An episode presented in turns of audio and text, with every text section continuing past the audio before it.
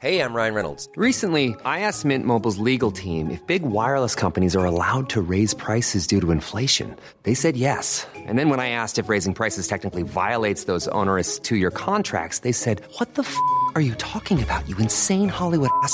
So to recap, we're cutting the price of Mint Unlimited from $30 a month to just $15 a month. Give it a try at mintmobile.com slash switch. $45 up front for three months plus taxes and fees. Promo rate for new customers for limited time. Unlimited more than 40 gigabytes per month. Slows. Full terms at mintmobile.com. Ukas annonsør i Foreldrerådet er Ekstra. Det er grillsesong. Endelig. Alle dere som har fulgt meg gjennom en lang vinter, vet at jeg har nesten strøket med av kjedsomhet. Men nå kan vi spise ute, vi kan leve ute, vi kan henge ute, og vi kan grille. Ekstra har sitt største grillutvalg noensinne, og hør godt etter nå. Her er en del av grillutvalget deres. Habanero-pølser, salsiccia-pølser, black aged pepper-pølser, cheesy bacon-pølser, beefy burger, cheesy burger, skinny burger, big beefy gourmet-burger, fiskeburger med hvitløk, fiskeburger med bacon, rødbet og søtpotetburger, soppburger, barbecue grillfilet, svinenakke med oregano og tomat, urtemarinert fårefilet, brisket, eller brisket som det egentlig heter, T-bone steak, flank steak, tomahawk, laksefilet med pesto, laksefilet med sitron, scampi med hvitløk og urter, crispy fiskeburger med ost, kyllingfilet med sitron og urter, kylling overlår, gyros, kyllingspyd, smoke, barbecue, lårfilet av kylling og entrecôte. Takk for meg. Dette er bare noen av produktene i Ekstra sitt største grillutvalg noensinne, og kommer bl.a. fra Norges mest prisvinnende grillserie, Grill Perfekt.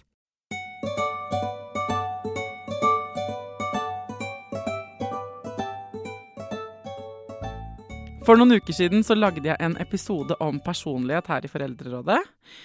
Om jeg skal si det selv, så ble den skikkelig interessant og bra, og jeg har tenkt masse på den etterpå. I dag eh, så har jeg lyst til å finne ut av hva en personlighetsforstyrrelse er. Altså, hva betyr det at du har en personlighetsforstyrrelse? Hvem er det som får det? Og hva er det vi har trodd frem til nå at personlighetsforstyrrelse har vært, men som kanskje begynner å bli litt utdatert? Hjertelig velkommen til Foreldrerådet, folkens.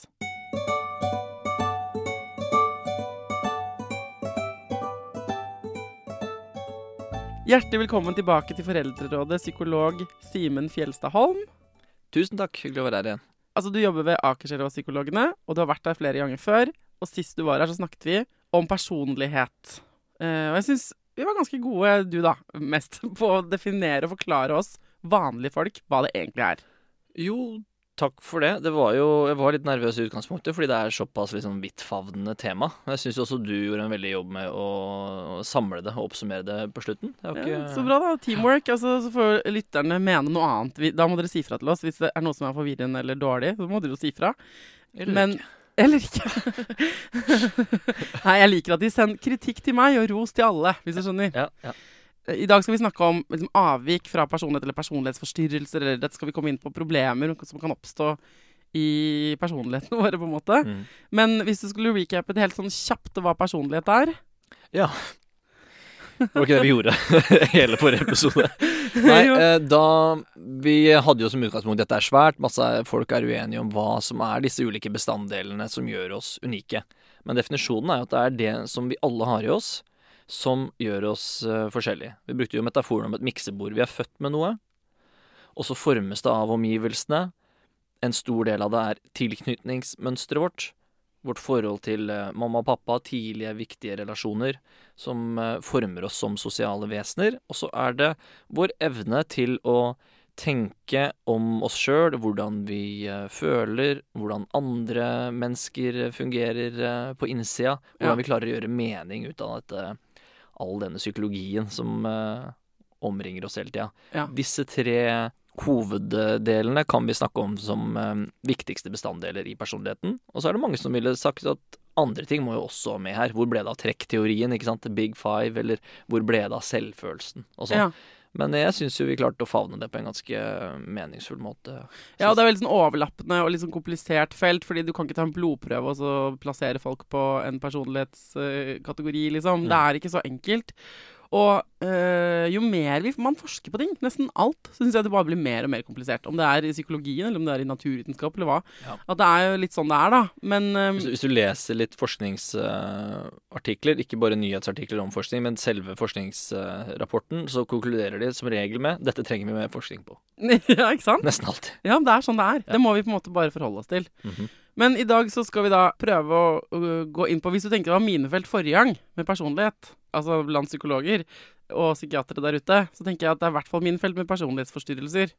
Så det har til og med jeg fått med meg. At det er Mhm. mange ulike approacher og alt mulig sånn. Ja da. Eh, men øh, du bretter opp armene og setter i gang, du, Simen. Det, det gjør jeg. Det er jo dette jeg har uh, jobba mest med. Kommer fra det um, eh, miljøet på Ullevål som heter Personlighetspoliklinikken. Som var da en uh, spesialistpoliklinikk for personlighetspsykiatri. Ja. Som, eh, og der hvor eh, Norge har eh, hatt og har et veldig sterkt internasjonalt anerkjent miljø, både for behandling, behandlingsutvikling, men også forskning på personlighet og personlighetsforstyrrelser. da. Ja, så sånn sett er du, føler du deg ganske trygg. Det er bra. Uh, det, ja, OK. Ok, men kan du forklare oss, vanlige folk, hva er en personlighetsforstyrrelse? Mhm. Sist gang så snakka vi jo mye om, eh, om normal eh, personlighet, hvordan det preger oss, og hvordan det kan argumenteres for at personlighetsfaktorer er veldig viktige brikker i å forstå alle psykiske lidelser. Hvorfor er du deprimert? Hvorfor har du angst? Ja. Men i personlighetspsykiatrien så er det spesifikke lidelser som er knytta til din personlighet. Altså personlighetsforstyrrelser. Ok. Det ligger jo i ordet at personligheten din er forstyrra. Veldig fælt begrep. Mm. Vanskelig å, å bruke, syns jeg, men det er nå det det heter, da. Ja. Personality disorders på, um, på engelsk. sant? Mm. At det er noe i personligheten din som gjør at du uh, kommer inn i vonde situasjoner ofte. Da snakker vi jo blant annet om deg, ditt forhold til uh, deg selv, selvfølelsen din. Hvordan står det til eh, der? Hvordan står det til med selvets retning, kan man kalle det? Det å styre livet sitt i eh, Sette en kurs, kunne holde den, vite hva man vil. Mm. Hvordan det er med identiteten min, verdisystemet mitt, altså ditt forhold til deg selv, og stabiliteten i, i selvet ditt. Når de som det- hører på nå, jeg bare tenker sånn, folk sier sånn min Retning, identitet jeg, Dette har ikke jeg tid til å tenke. Eller sånn Jeg har tre unger og jobb og suser rundt og Ja. Da har, holder på. da har du jo tatt mye store livsvalg. ja. På et tidspunkt i livet så begynte du kanskje på et studie, eller du, du fikk deg en jobb. Dette, ja, dette gir mening for meg. Mm. Dette vekker uh, nysgjerrighet og, og lyst. Han fyren her virker jo fin. Han vil jeg knytte meg til. Ja, han er ikke perfekt, nei, men han er jo god nok. Vi kan lage noe fint sammen. Ja. Ja, jeg kan se for meg at jeg har lyst på barn. Det kan jeg også forplikte meg til. Eh, Selv i ulike sinnstilstander så har du en relativt stabil identitetsopplevelse og tanker om eh, hvor du vil i Ja. livet ditt, sant? For disse tingene blir man kanskje ikke bevisst før det på en måte skurrer. Nei. Eh, Når ting går på skinner eh, Vi har akkurat hatt noe problem med denne bilen hjemme hos oss. Og, eh, og sant, helt frem til den Da får du testa personligheten din. Ja, både det, men også hvis jeg tenker på sånn Av og til syns jeg det er deilig å forenkle mennesker til biler. Og er- i dette bildet da så er det sånn Vi visste ikke at noen ting var feil, vi før den kom på EU-kontroll, hvis du skjønner. Mhm. Men det derre at liksom man kan Hvis eh, motoren fusker eller noe er gærent med bilen sånn igjen og igjen og igjen og igjen, og igjen så må man liksom kikke under panseret og bare Hva er det her? Og i psykologi så er det sånn Kan det kanskje det kan jo være noe i personligheten mm. som skurrer, som vi må just få justert eller ordna på. Ikke sant? Og sånn blir det for, eh, for noen, da. At man kanskje får mer eh, ikke like dyptgående diagnoser en del først. At du kommer inn med en, eh, med en depresjon, f.eks., eller, en, eller en angst, eller en plutselig destabilisering, krise, som har blitt møtt på andre måter før. Kanskje med ok, en stabiliserende innleggelse, eller depresjonsmedisin, eller beroligende. Men så skjer det kanskje igjen, da. På tredje-fjerde gangen. Da er det kanskje på tide å tenke ok, er det noe annet som, eh, som rører seg litt dypere her. Og der hvor du i forrige episode vi snakket om personlighet, snakket om liksom det med ikke sant, at man kan Innenfor normalspekteret så har man jo masse variasjon. Ikke sant? Det er masse av dette her som kan liksom eh, snakkes om, det dekodes, jobbes med. eh, innenfor det som er ikke psykiatri, men psykologidelen, da, som er ikke sant, den ikke, hvor du ikke er syk, Mhm. eller får en diagnose sånn sett, kanskje. Eh, Hva er det, hvor går det skillet over til en personlighetsforstyrrelse? Ingen vet. Der går det ikke an å sette én spesifikk linje. Det diskuterer man eh, fortløpende. Og vi må tenke at vi er på et, eh, et spekter i det vi kan kalle for personlighetsfungering. Hvor bra funker personligheten din? Ja. Og som jeg allerede har vært litt inne på, så er det da noen hoveddomener. F.eks. selve. Hvor godt fungerer du med identitet, eh, selvets retning, selvfølelsen din. Og det andre hoveddomenet er jo da det relasjonelle. ja. Hva Hvordan er heter de med deg og de personlighetsforstyrrelsene? Jeg har de ikke noe navn? Det er masse navn eh, på de, og de kommer vi vel eh, også til. Men la oss vente litt med de der eh, kategoriene, fordi de er ganske problematiske. Okay. Så la oss heller tenke litt på det som noe som er mer flytende. Vi har alle en personlighetsfungering. Hvor bra funker vi? Innenfor selve og det relasjonelle. Hvordan vi funker med, med andre. Hvordan står det til med empatien? Mm. Hvordan står det til i, eh, i din evne til å være intim? Opp, få etablert intime relasjoner og være i de. Okay. Sant? Og så er det mange forskjellige måter dette kan skorte på. At du kan ha ulike mm, vanskelige, destruktive trekk, hvor du kan få en personlighetsforstyrrelse. Og sånn som vi har tenkt på det i mange tiår, som begynner å utfordres nå heldigvis, som skal skrinlegges, er at da havner du i en spesifikk kategori av personlighetsforstyrra. Mm. Det ramser opp alle sammen, så du Nei, men du kan, bare sånn at folk kjenner igjen noen ja, okay, ord her. Du kan, være, du kan ha en eh, paranoid personlighetsforstyrrelse, schizoid, du kan være antisosial, borderline slash emosjonelt ustabil, engstelig unnvikende, narsissistisk. Sant? Dette er um, Mange av disse ordene har man hørt før, og det har vært VG pluss-artikler, og sånn vet du at du eh, partneren er uh, narsissist og sånn. Sånn oppdager du narsissisten og Ja. avslører psykopaten og Ikke sant? Mhm. Og vi har laget en episode før om dette temaet med en annen psykolog. Det var veldig interessant, og, men på en annen innfallsvinkel, egentlig. Så dette er kjempespennende. For nå skal disse kategoriene, som du sier, eh, skrinlegges fordi det er mer hensiktsmessig å se på et spekter. Mhm. Det er jo ikke det at disse ordene er helt uten mening nå. Eller? Noen vil hevde det. Ja. Ok. Fordi du får en eh, Altså Først må du tenke Har du noen hovedkriterier for å tenke at du kan lide av en personlighetsforstyrrelse? Hvis svaret er ja, så utreder man da med det som man kaller for en, eh, for en SKID. Som er en, eh, et sånn klinisk strukturert intervju for personlighetsforstyrrelser. Hvor du går gjennom hver enkelt av disse her. innenfor narsissistisk eller emosjonelt ustabil eller unnvikende. Og så teller du hvor mange trekk oppfyller du over en viss grad. Mm. Og hvis du har, si, seks av, eh, av ti borderline-trekk, så kan du få diagnosen emosjonelt ustabil slash borderline. Ja. Sant? Og da har du ikke f.eks. en, eh, en narsissistisk eller en eh, dramatiserende personlighetsforstyrrelse. Da er du bare borderline. Og så ligger du da litt mellom linjene at da skal du få behandling for borderline, og det er det. Men du kan jo få en borderline-diagnose ved å ha nesten helt forskjellige trekk, fordi du skal ha Si at du skal ha seks av, eh, av ti trekk. Mm. Så kan det jo tenkes at du, har, eh, at du kun deler to, da. Med den andre som sitter ved siden av deg med samme diagnosen. Ja. Så det er to helt forskjellige ting. Ja.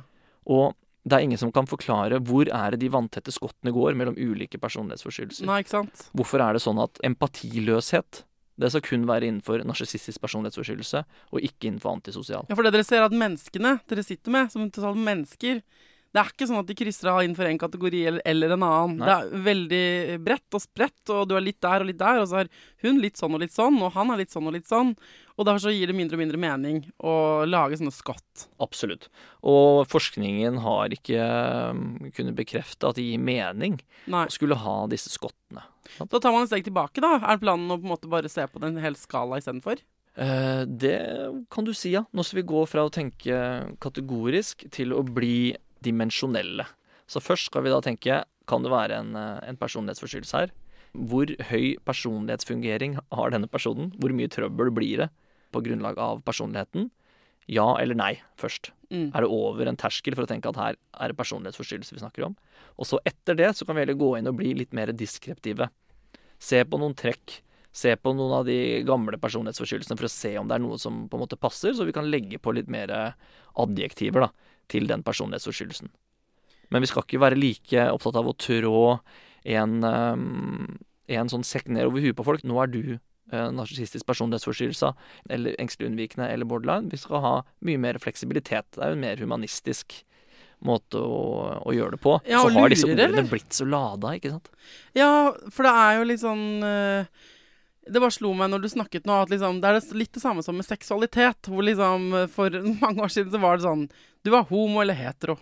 Eh, og så har måte, man skjønt mer og mer av dette feltet og blitt kjent med flere og flere mennesker. Og det har vært, sant, blitt klokere og klokere. Og så det er ikke de der kategoriene. Og vi, vi mente godt med å sette opp sånn bifil, hetero? Og noen kjenner seg helt igjen i de kategoriene, men de fleste av oss havner et eller annet sted midt imellom på ulike faktorer. Og det er ingen som snakker om at det også er en viktig del i seksualiteten. er sånn Et spekter som er sånn Hvor ofte vil jeg ha sex? Det er helt individuelt. ikke sant? Hvor mye drivkraft er seksualiteten i livet mitt? Det er masse andre faktorer som gir mye mer mening når man skal snakke om seksualitet. ikke sant? Og det, den overgangen der, den er både litt kompliserende for folk flest å forstå.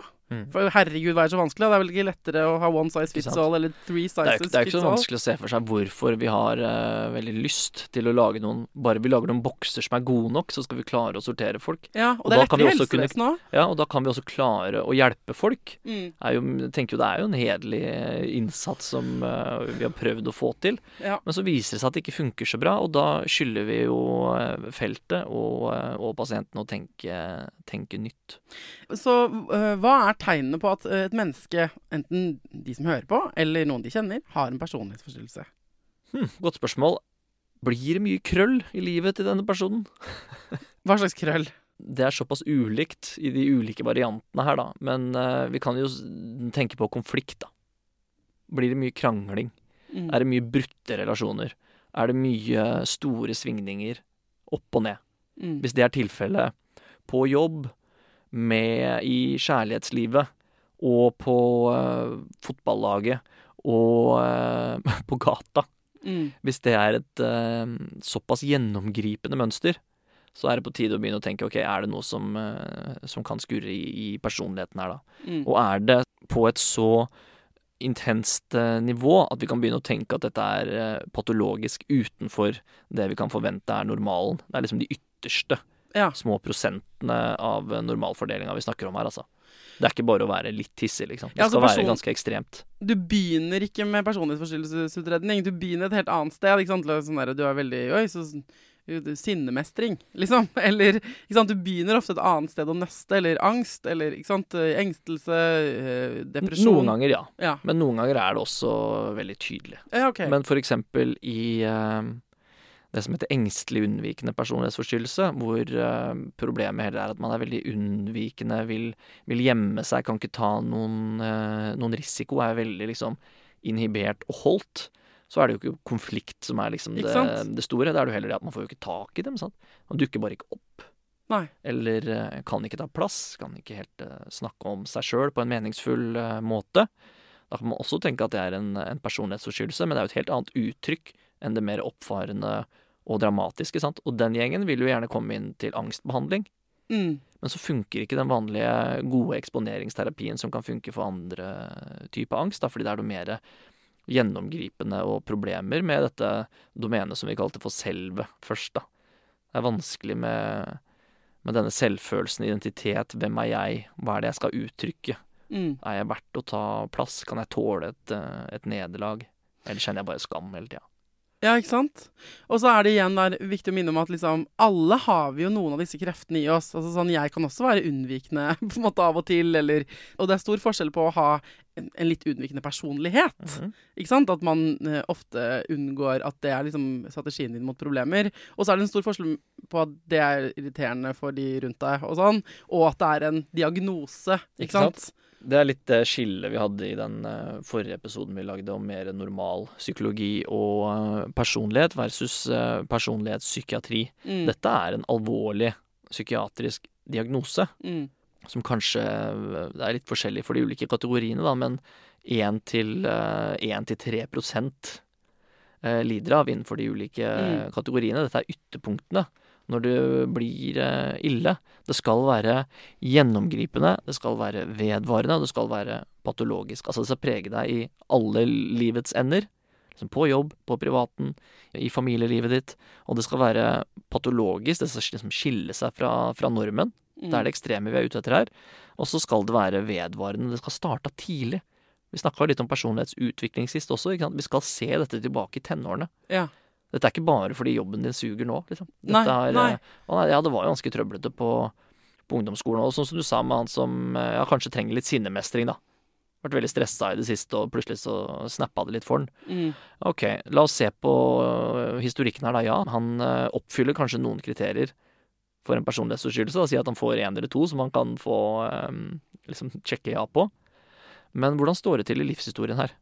Dreven og uh, mobba og dominerte andre barn uh, når han var liten. Så, nei, han var elevrådsrepresentant og Ja, sånn han dreiv ikke med dyreplageri eller har uh, banka opp folk eller rana folk eller uh, brukt våpen i tenåra. Nei, liksom. det er helt nyoppstått, ikke sant? Mhm, Ok.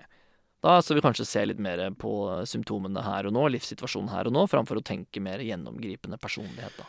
Hva er det Du nevnte jo nå noen. Det var veldig spennende å høre om de ulike symptomene. Så den eh, sånn aggresjon, unnvikelse. Er det flere? Hva er schizoid? Eller sånn for å lavne i det som da tidligere ble kalt? Eller Det bruker fortsatt det. Ja. Vi kommer til å bruke det flere år fortsatt. Vi, eh, vi underviser jo i denne SKID-utredningen. Det er det som eh, helseforetakene nå er fortsatt forplikta til å, å bruke. Hvor vi bruker fortsatt disse kategoriene. Ja. Så vi underviser fortsatt i det. Det er et helt todagerskurs som vi reiser rundt med. ja. Så da må man jo kommunisere at ok, det er dette vi må gjøre, men la oss også ha in mente at vi må tenke mer dimensjonelt også, ikke være så firkanta. Ikke sant. Men de kategoriene gjelder jo fortsatt, og schizoid, som du spør etter, er jo de eh, einstøingene. Som er eh, ikke har noe behov eh, for andre. Ikke har noe behov for intimitet eller uh, særlig menneskelig kontakt. Ikke er så opptatt av hvordan man blir omfatta, eller sosiale regler. Ja. Som har det helt fint med å sitte hjemme og, og jobbe. ja, men de havner vel kanskje heller ikke så ofte hos dere? Fordi at de holder seg jo for seg sjøl. Ja, hvor er lidelsen i det å være så schizoid og isolert? Det kan jo hende du blir uh, ganske usunn da, av å være hjemme og ikke drive med noe. Eller så kan du plutselig få et innfall om at du trenger noe, noe nærhet eller uh, tilknytning eller uh, sex, eller at det er, eh, kan bli litt sånn brått og mote Ja. og konfliktprega. Mange av disse tingene her tenker jeg handler mer om hovedtemaer enn ensrettinger. At en som er schizoid, er veldig opptatt av å ikke skulle bli overvelda eller liksom spist av andre i sosiale relasjoner. Er veldig opptatt av avstand, kontroll, eh, selvstendighet. Men eh, kan plutselig i noen faser få kjempebehov for nærhet. ja. Eller overinvolvering, til og med. Eller uh, få en elskerinne og sprenge i stykker et uh, ekteskap, eller sånne ting. Ja. Tenker Hvis du er litt nysgjerrig på hvordan schizoiditet uh, ser ut, så kan du uh, sjekke ut livshistorien til Albert Einstein.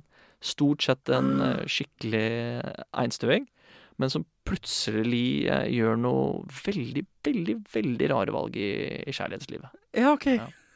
Ja. men kult. Og det som også er eh, viktig da her, er at liksom For det, noen har jo sånn innsigelser mot eh, 2023, liksom. Hvis alt er en diagnose, og alt skal beskrives og bla, bla. Ikke sant? Den kritikken kan man på en måte høre litt sånn i samfunnet noen ganger, i hvert fall.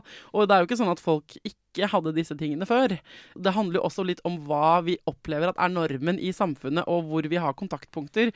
For sånn, det einstøingsbildet er jo fra liksom gamle barnebøkene så var det liksom, den derre han eneboeren, han er som eh, eremitten som Mm. bodde sånn langt unna et sted. Eh, det, sant? det er jo ting som har eksistert alltid i samfunnet vårt på ulike måter, men man har ikke hatt, hatt kunnskap nok til å kunne fortelle hva det er. Mhm. Hey, I'm Ryan Reynolds. Recently, I asked Mint Mobile's legal team if big wireless companies are allowed to raise prices due to inflation. They said yes. And then when I asked if raising prices technically violates those onerous two year contracts, they said, What the f are you talking about, you insane Hollywood ass? F- So to recap, we're cutting the price of Mint Unlimited from $30 a month to just $15 a month. Give it a try at mintmobile.com slash switch. $45 upfront for three months plus taxes and fees. Promo rate for new customers for limited time. Unlimited more than 40 gigabytes per month. Slows. Full terms at mintmobile.com. Many of us have those stubborn pounds that seem impossible to lose, no matter how good we eat or how hard we work out. My solution is PlushCare. PlushCare is a leading telehealth provider with doctors who are there for you day and night to partner with you in your weight loss journey. They can prescribe FDA-approved weight loss medications like Wagovi and Zeppound for those who qualify. Plus, they accept most insurance plans. To get started, visit plushcare.com slash weight loss. That's plushcare.com slash weight loss. Ukas annonsør i Foreldrerådet er Nextory. Det er en lydbok- og e-bok-app. Altså, du kan både høre på bøker og lese dem på telefonen din eller nettbrettet ditt. Og akkurat nå så får du 45 dager gratis, både til deg som kanskje har prøvd Nextory før, men også til deg som er helt ny. Jeg digger at også de som har prøvd det før, får lov til å prøve igjen. For å få 45 dager gratis, gå inn på nextstory.no foreldrer. Nextory har tusenvis på tusenvis av bøker du kan lytte til eller lese. Og i dag har jeg tenkt å anbefale eh, noen bøker som eh, faller innenfor det som kanskje kalles selvhjelpsbøker. Men den kategorien har jo litt ufortjent dårlig rykte, spør du meg.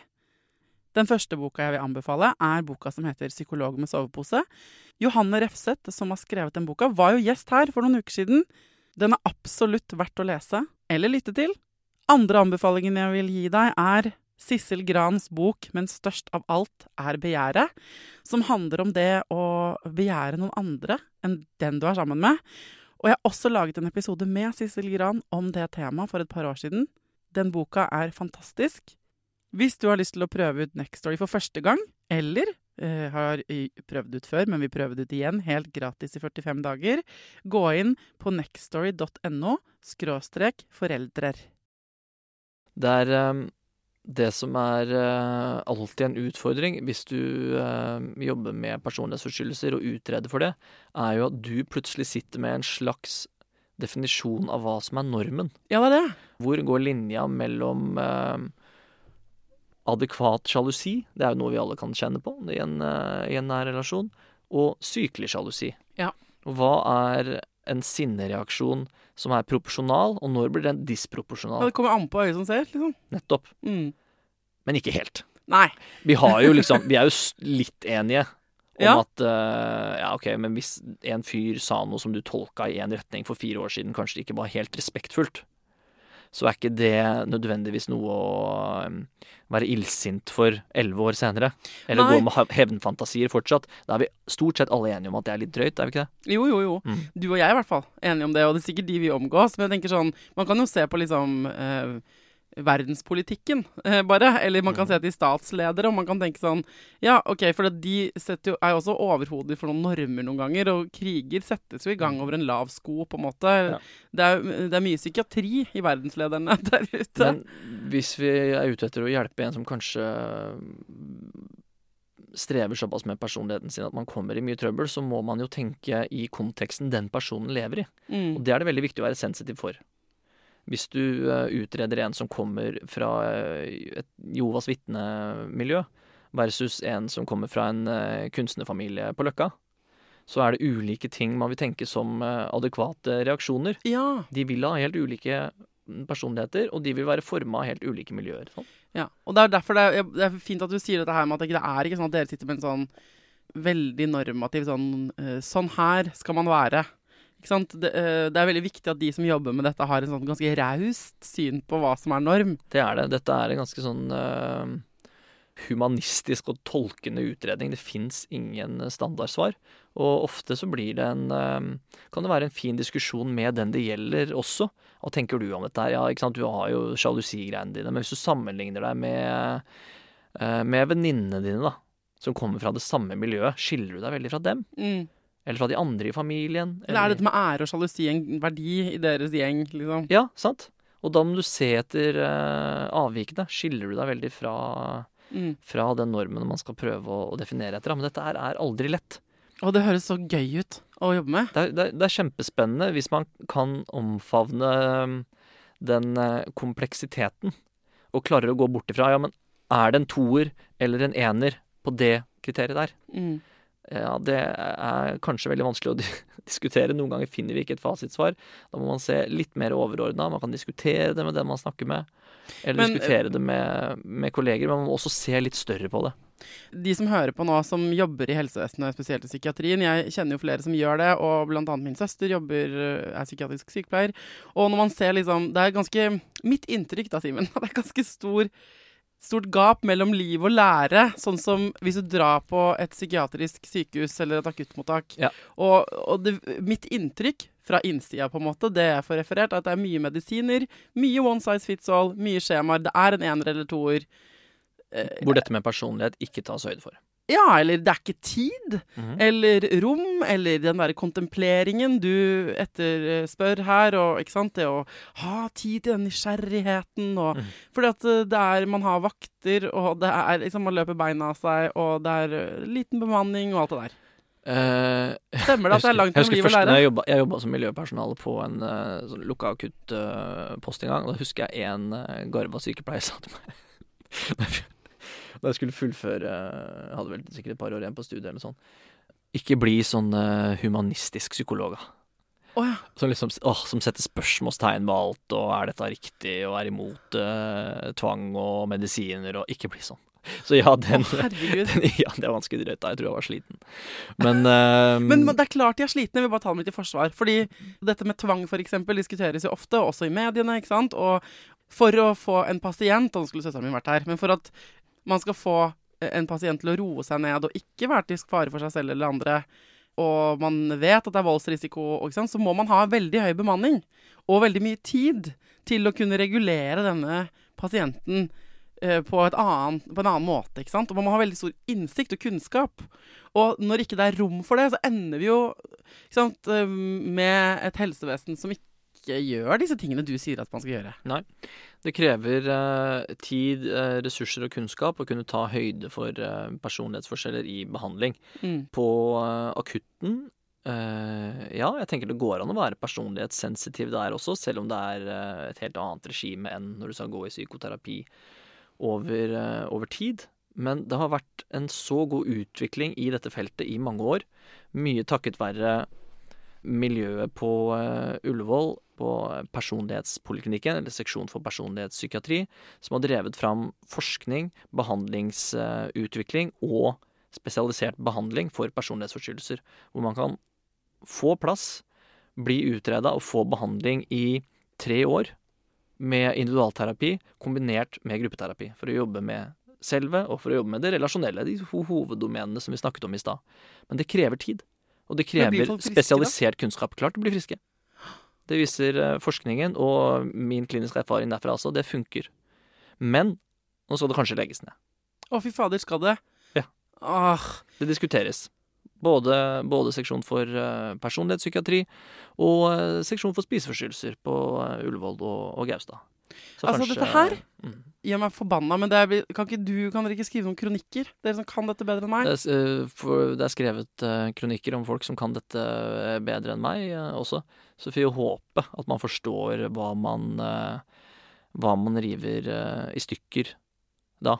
Altså, det er jo snakk om er det 250 millioner som psykisk helsevern på Ullevål bare skal, skal kutte, og da er det blant annet kanskje seksjon for personlig psykiatri, som er det stedet i landet som kan dette best, som driver fagformidling til alle andre klinikker også, som Mm. driver kursing og undervisning, og ikke minst forskning, som eh, da kanskje skal raseres for å spare penger. det, blir meg så forbanna, for det, det skjer i fødselsomsorgen og eldreomsorgen og i psykiatri. Og så ender man med å bare bruke 10-20 år til på å gjøre den one size fits all-greia fordi det er billigere og lettere. Men det skaper jo bare Det er ikke billigere, egentlig, for det skaper bare kjempestore følgekostnader av folk som havner utenfor arbeidslivet og Hvis du har en ting. ubehandla, udiagnostisert personlighetsforstyrrelse, så vil det jo fort eh, koste mange ressurser i andre deler av eh, hjelpeområdet. På eh, vanlig DPS, eller for de som har det verst, på legevakta, i akuttpsykiatrien. Eller ute med Rettsvesenet? Ja, og du vil miste arbeidsevne. Altså, hvis du har en alvorlig personlighetsforstyrrelse, så har du i eh, gjennomsnitt 18 år kortere levetid. Å, fy fader. Mhm. Dette er eh, alvorlige greier. OK. Er det noen flere tegn på personlighetsforstyrrelse som du tenker at de fine, kloke foreldrene som hører på denne podkasten, er folka Det er ikke alle som har barn engang, som hører på Foreldrerådet. Men eh, sant, du sa noe om gjentagende mønstre. Veldig eh, sinne, unnvikelse? Noen av disse tegnene. Er det noen tegn folk burde vite om? Sånn at de kan, kanskje med denne samtalen i bakhodet, da, oppsøke hjelp. Og hvor skal de gå? Ja. Først om det er noen flere tegn. For uh, foreldre så tenker jeg jo at det er uh, veldig, veldig stor uh, variasjon som er normalen. Både på tvers av barn og ungdom, men også i det samme barnet eller ungdommen over tid. Mm. Vi er jo alle identitetsforstyrra i ungdommen. Sant?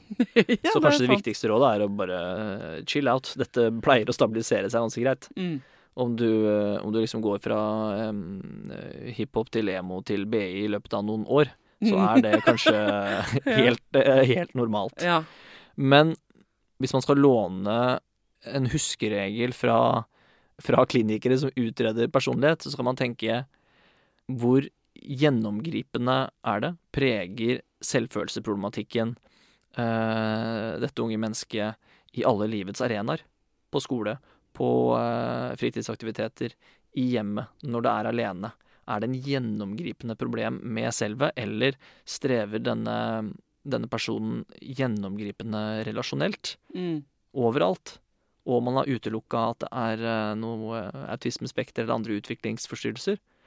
Men hvis dette er et gjennomgripende mønster overalt, som også er ganske ekstremt, og varer over tid, som man kan se fra tidlig alder, og som ikke endrer seg noen ting, Mm. fra dette barnet var eh, 14 til 18, da er det kanskje på tide å tenke at det er eh, personlighet man skal tenke, og da er det å få en, eh, en henvisning til en, eh, en DPS. Masse flinke folk som kan personlighet på alle lokale DPS-er rundt om.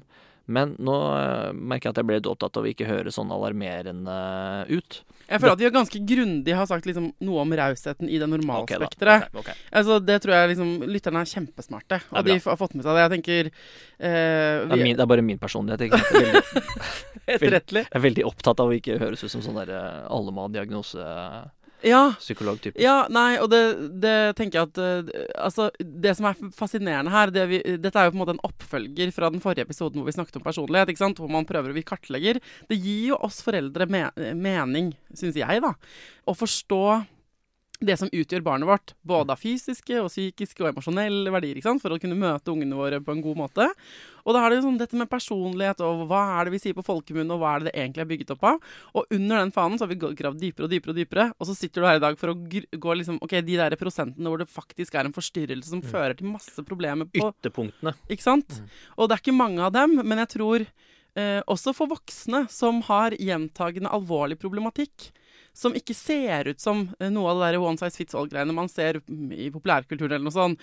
Hvis du, hvis du opplever at jeg strever gang på gang jeg, med de tingene her, så eh, tenker jeg at det kan også være med på å snakke om personlighetsforstyrrelser i dag. Kan være med på å løfte et stigma. Også fordi når jeg har hørt folk snakke om det, så høres det ut som det er noe man har for alltid. Eh, men du sier jo at man kan bli frisk. Ja. Eh, men da er det viktig at man får riktig behandling, og at det blir forstått av de du går til, på riktig måte. Jeg håper denne episoden kan gi folk litt sånn kjøtt på beinet i forhold til å forstå hva det handler om, og også kanskje, som så mange andre har brukt andre episoder av Foreldrerådet til, ha det med seg i det møtet med BUP, da. Eller med psykologen. Fordi det er jo fagpersonene man står overfor, som på en måte vet best. Men av og til er det ikke det. Og da kan det være fint å si sånn Ja, nå sier du dette her, men jeg har hørt denne episoden. Kan du høre på den? Så det er det jeg vil med dette. Ja, da må man tørre å være litt, uh, være litt plagsom, sant. Ta litt plass med det man uh, veit sjøl, og gi um, litt interessant vinkling uh, det der. Fordi i barne- og ungdomspsykiatrien så er det først nylig at man har åpna opp for å kunne tenke personlighet og personlighetsforstyrrelser også litt nedover i alder. Ja. Før så var det helt utenkelig å skulle gjøre det med noen som ikke var i, i voksensystemet. Å kunne gjøre det med noen som var yngre enn 18, var eh, Det gjorde man bare ikke. Fordi Nei. personligheten har ikke satt seg enda, Mm. Var tanken da. Og eh, det, er ikke noe, det er ikke noe hjelp å få den der labelen på seg da. Nei. Men nå har vi mye mer behandlingsoptimisme. Vi vet det funker. Og så har vi også mer kunnskap om personlighetsutvikling generelt. Det er ikke sånn at du er, når du er 21, så stopper personligheten å utvikle seg, og så har den stivna derfra for alltid. Nei. Den er faktisk mer dynamisk enn vi trodde. Og da kan vi også åpne for at ok, hvis det er en eh, engstelig unnvikende personlighetsforstyrrelse eller en emosjonell ustabilitet personlighetsforstyrrelse som man kan se tydelig hos en 14-15-åring, så skal man faktisk tørre å kalle det for det også. Fordi vi har skikkelig gode behandlingsmetoder for det. Og Ja. da gjør vi det med bjørnetjeneste, og ikke skulle tørre å, å kalle det noe sånt. Jeg er veldig glad i den podkasten til Harald Eia øh, og Nils Brenna som heter Big Five, eller Sånn er du. Det, jeg tenker jeg at det er veldig sånn det folk kanskje forbinder med personlighet, og hva slags øh, personlighet har man og sånn. Men hva er det i den øh, Den testen er jo sånn øh, man tester De tester kjente folk Ja. og finner ut av hva slags personlighet øh, de har. Yes. Eh, og det er veldig gøy å høre på. En morsom måte å gjøre et intervju på og alt mulig sånn. Jeg vil anbefale alle å høre. Finn den som med Anne B. Ragde hvis du har en dårlig dag. For det, hun er helt sykt kul. Okay. Men stemmer det? Altså, for der er det jo litt sånn Du er ferdig, ganske ferdig støpt når du er sånn 27 eller noe sånt, sier de. Den testen.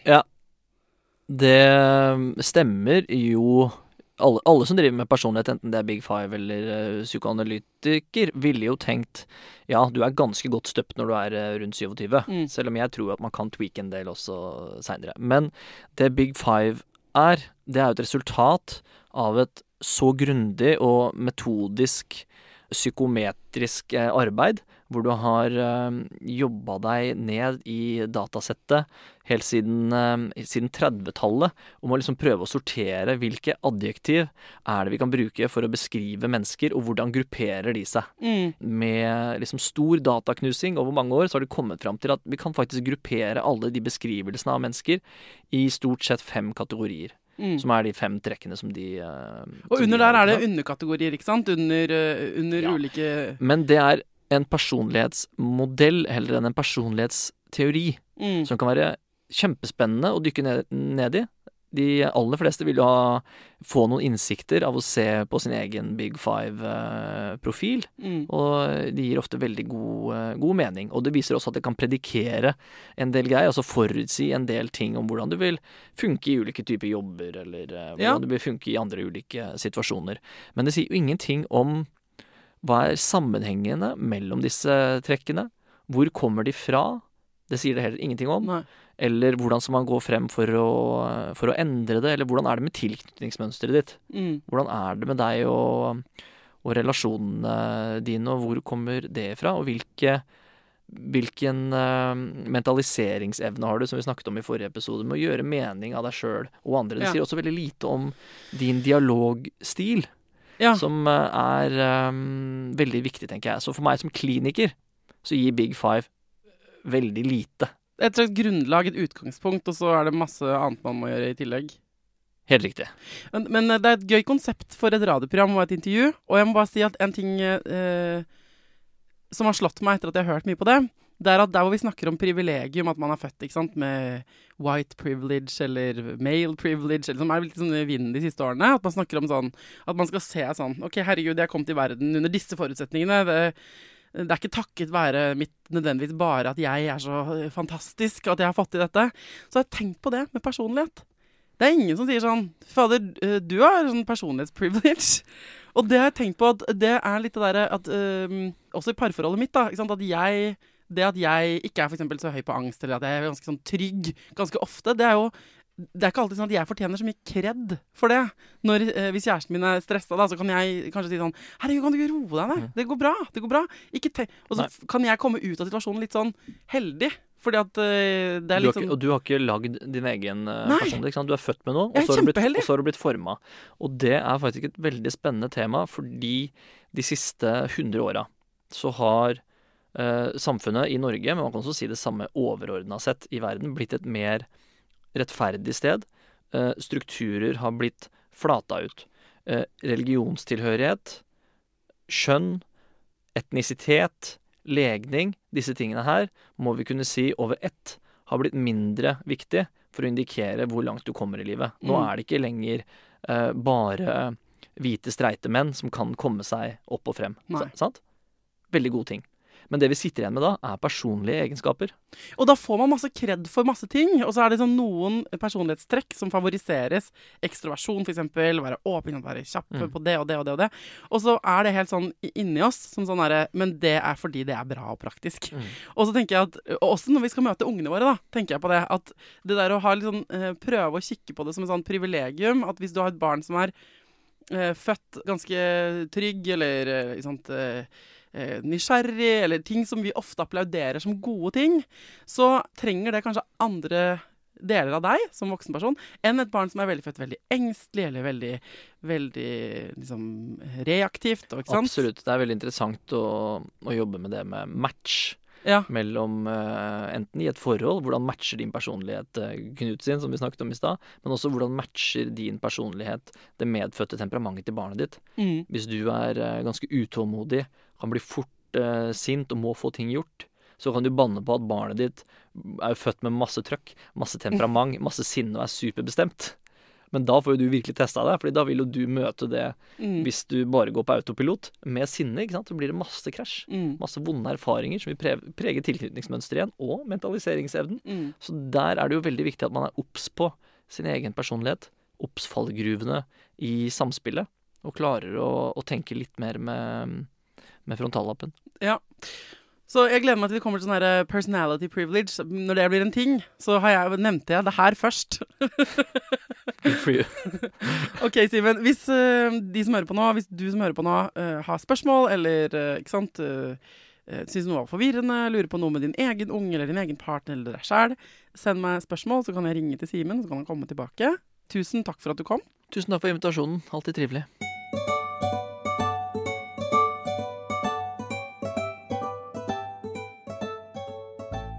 Hvis du har et eh, tema du vil at jeg skal finne mer ut om her i Foreldrerådet, noe eh, du lurer på som handler om ungen din, eller noe du strever med i parforholdet ditt, eller eh, noe du gjerne vil liksom finne ut om deg selv Hvis det er en, eller annen diagnose du har oppdaget, eller som noen i din nære familie har, som du vil at jeg skal få landets beste ekspert til å uttale seg om, så er det sånn at du må sende det til meg på Instagram.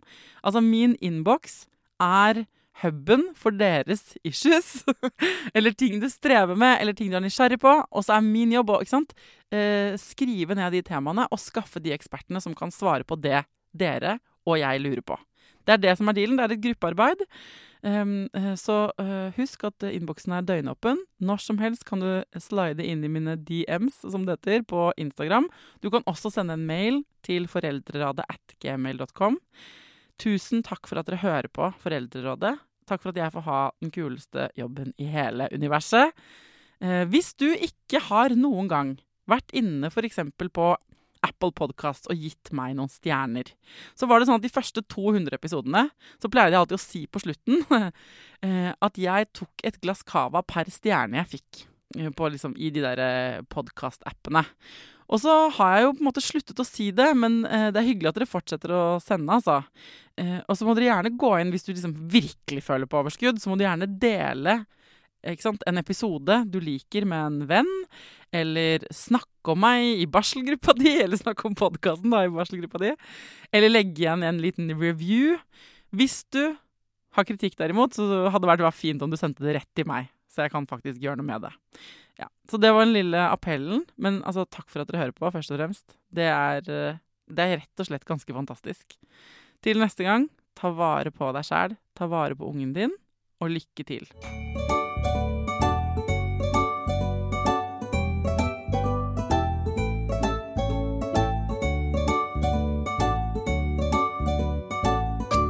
Produsert av Klinge.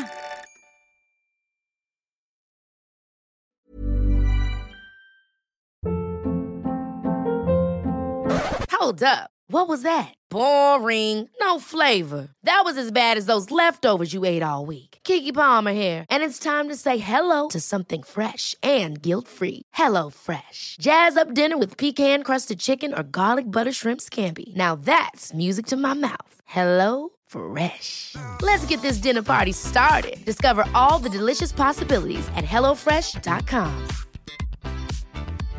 This message comes from BOF sponsor eBay.